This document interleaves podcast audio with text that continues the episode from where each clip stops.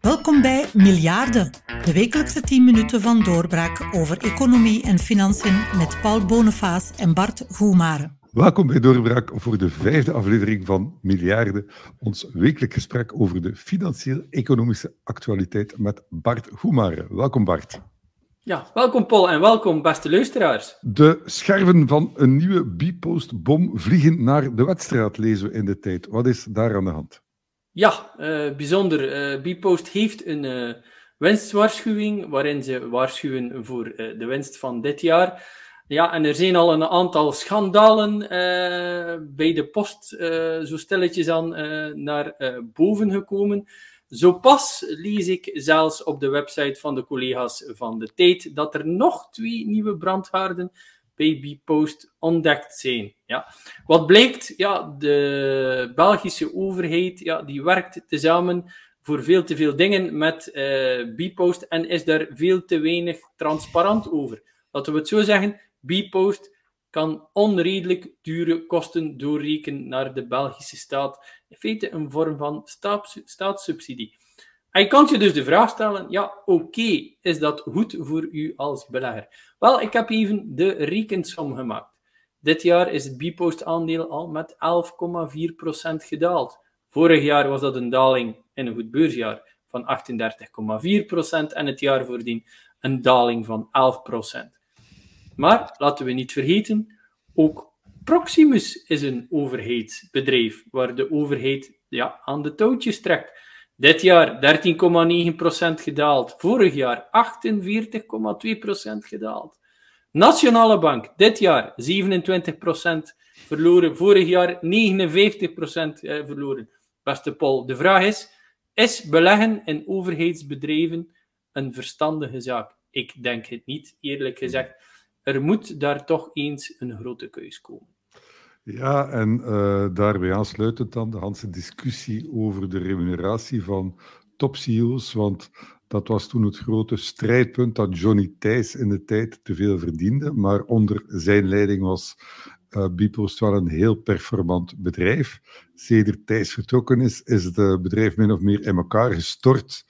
En uh, als je dan die twee zaken met elkaar vergelijkt, het verlies aan beurswaarde, sedert men die CEO daar veel minder betaalt, ik denk dat ze beter zouden kiezen voor een betere verloning van de CEO die die waarde creëert. Hè? Op de beurs hebben wij een heel goede uitspraak. If you pay peanuts, you get monkeys. Ja, Absoluut. En de koers van Bpost en de andere overheidsbedrijven is daar misschien wel de weerspiegeling van. Ja, mooie illustratie. Iets wat we eigenlijk al voorspeld hebben een aantal keren, dat de bankencrisis dat die misschien wel tijdelijk gaat liggen, maar dat die ver van voorbij is. De problemen zijn helemaal niet opgelost. En de laatste manifestatie daarvan was First Republic. Daar ja, de grote Amerikaanse bank First Republic, waar heel veel Amerikaanse vermogende mensen hun centen hebben, die hebben in een korte periode een uitstroom van klanten te goeden van meer dan 100 miljard dollar gezien. Ja, en uh, ja, als er uitstroom is bij de bank, ja, dan moet de bank dat ergens compenseren. Men moet heel dure leningen aangaan uh, om genoeg cash te kunnen hebben. En dat weegt op de beurskoers van, uh, van First, First Republic, die net, zoals Silicon Valley Bank, zijn beurskoers ziet kelderen ja, men is, uh, verschillende overnemers zijn ondertussen in gesprek om een overname te doen van First Republic, maar men wil overheidsgaranties natuurlijk, net zoals we gezien hebben bij de overname van Silicon Valley Bank, net zoals we gezien hebben bij de overname van Credit Suisse door UBS. Uiteindelijk is het de belastingbetaler die betaalt. Ja, dat is altijd de betaler in last resort. We zien ondertussen dat een ander Belgisch crypto-platform, Bit4You, ook in moeilijkheden is gekomen en de activiteiten opschort. Wat is daar het resultaat voor de beleggers? In Wel, het crypto-platform Bit4You heeft meer dan 40.000 klanten, zo lees ik hier. En daar staat meer dan 6,5 miljoen aan crypto-helden op.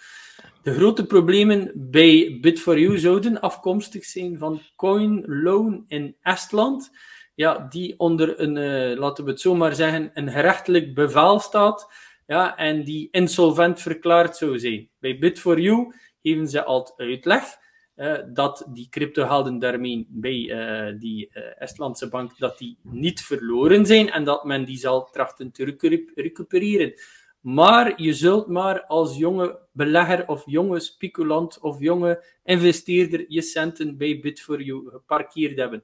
Eén iets is zeker, Paul. Wie cryptohelden bezit, die is zeker dat hij ze heeft. Maar of je ooit uit de centen geraakt, dat is een ander paar Ondertussen lezen we dat de overheid de banken begint te concurreren met spaarrekeningen met hoge opbrengst. Hoe zit dat in elkaar? Ja, de e-depot-rekening. Misschien hebt u er nog niet van gehoord, maar de voorbije kwartalen was dat toch behoorlijk populair. De e-depot-rekening is een spaarrekening waar u spaargeld bij de Belgische staat parkeert. De rente die is op één jaar gestegen van 0 naar 3,1 procent. Van zodra je 3,1 procent zegt tegen Belgische spaarders en beleggers, spitsen die hun oren en sturen zij hun geld daar naartoe. Ja, volgens de FOD Financiën hebben meer dan 16.000 particulieren en 1000, meer dan 1200 ondernemingen daar hun geld geparkeerd. En was dat tempo van die ja, geldtoestroom aan het versnellen? Ja, de spaartegoeden daar zouden op zes maanden tijd meer dan verdubbeld zijn. Ja, en wat, uh, wat gebeurt er nu? Ja, de e-depotrekening ja, die wordt qua spaarrente beperkt. De rente die zakt van 3,1 naar 2,5 procent. Bedankt, beste spaarders. Ja, maar nu krijgt u maar 2,5 procent.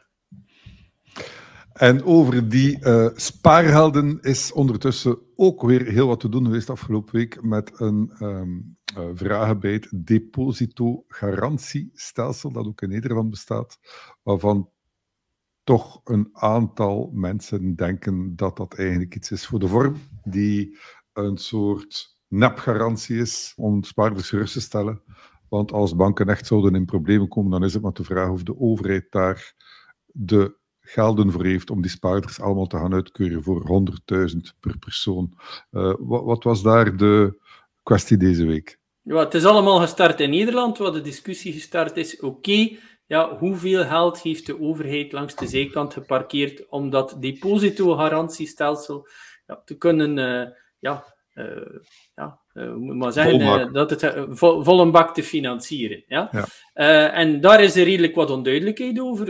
in ja. België zou dat via de Nationale Bank verlopen, maar daar zijn geen cijfers over duidelijk. het blijkt nu dat Didier Reinders in de tijd in het verleden verteld heeft van ja, in feite is dat ook maar puur voor de vorm.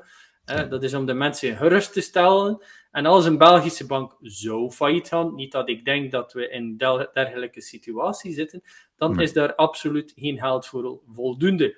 Het systeem is heel eenvoudig, dat is een bail-in. Alle centen boven de 100.000 zouden in dat geval geconverteerd worden naar aandelen van de desbetreffende bank. Zover is het natuurlijk niet.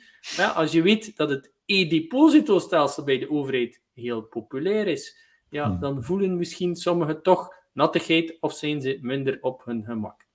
Mm -hmm. Ondertussen was er nog een berichtje dit week over Conor Rousseau, weer een, een, een, vraag van de socialisten die opduikt, die regelmatig opduikt, dat men een vermogenskadaster eist.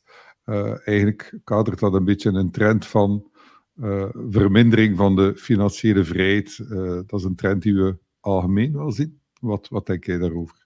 Wel, dat is heel eenvoudig. Op 1 mei legt elke socialist en uh, communist zijn ei. Ja, 1 mei komt dichtbij. Wat zien we? Wel, we zien de ideeën op, uh, opborrelen. Blijkt dat de overheidsfinanciën totaal onhoudbaar zijn.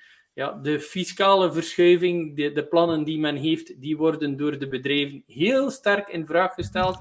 Want iedereen begint zijn rekening te maken en ziet wie de, ja, de rekening zal moeten betalen dat zijn de vermogenden en dat zijn de bedrijven. En in dit kader komt opnieuw het idee van een vermogenskadaster op de voorgrond. Maar laten we het zo zeggen. De vraag die je moet stellen is: hebben we al geen vermogenskadaster? Buitenlandse rekeningen worden automatisch aangegeven. De Belgische rekeningen, dat kan de overheid zo weten hoeveel geld u daarop staan hebt. U betaalt bij meer dan 500.000 euro aan uh, effectentoegoeden, betaalt u daar een effectentax op en men weet hoeveel belastingen u betaalt voor uw vastgoed. Dus een echt vermogenskadaster, nou, misschien is dat ook wel voor de vorm, maar in feite bestaat dat al.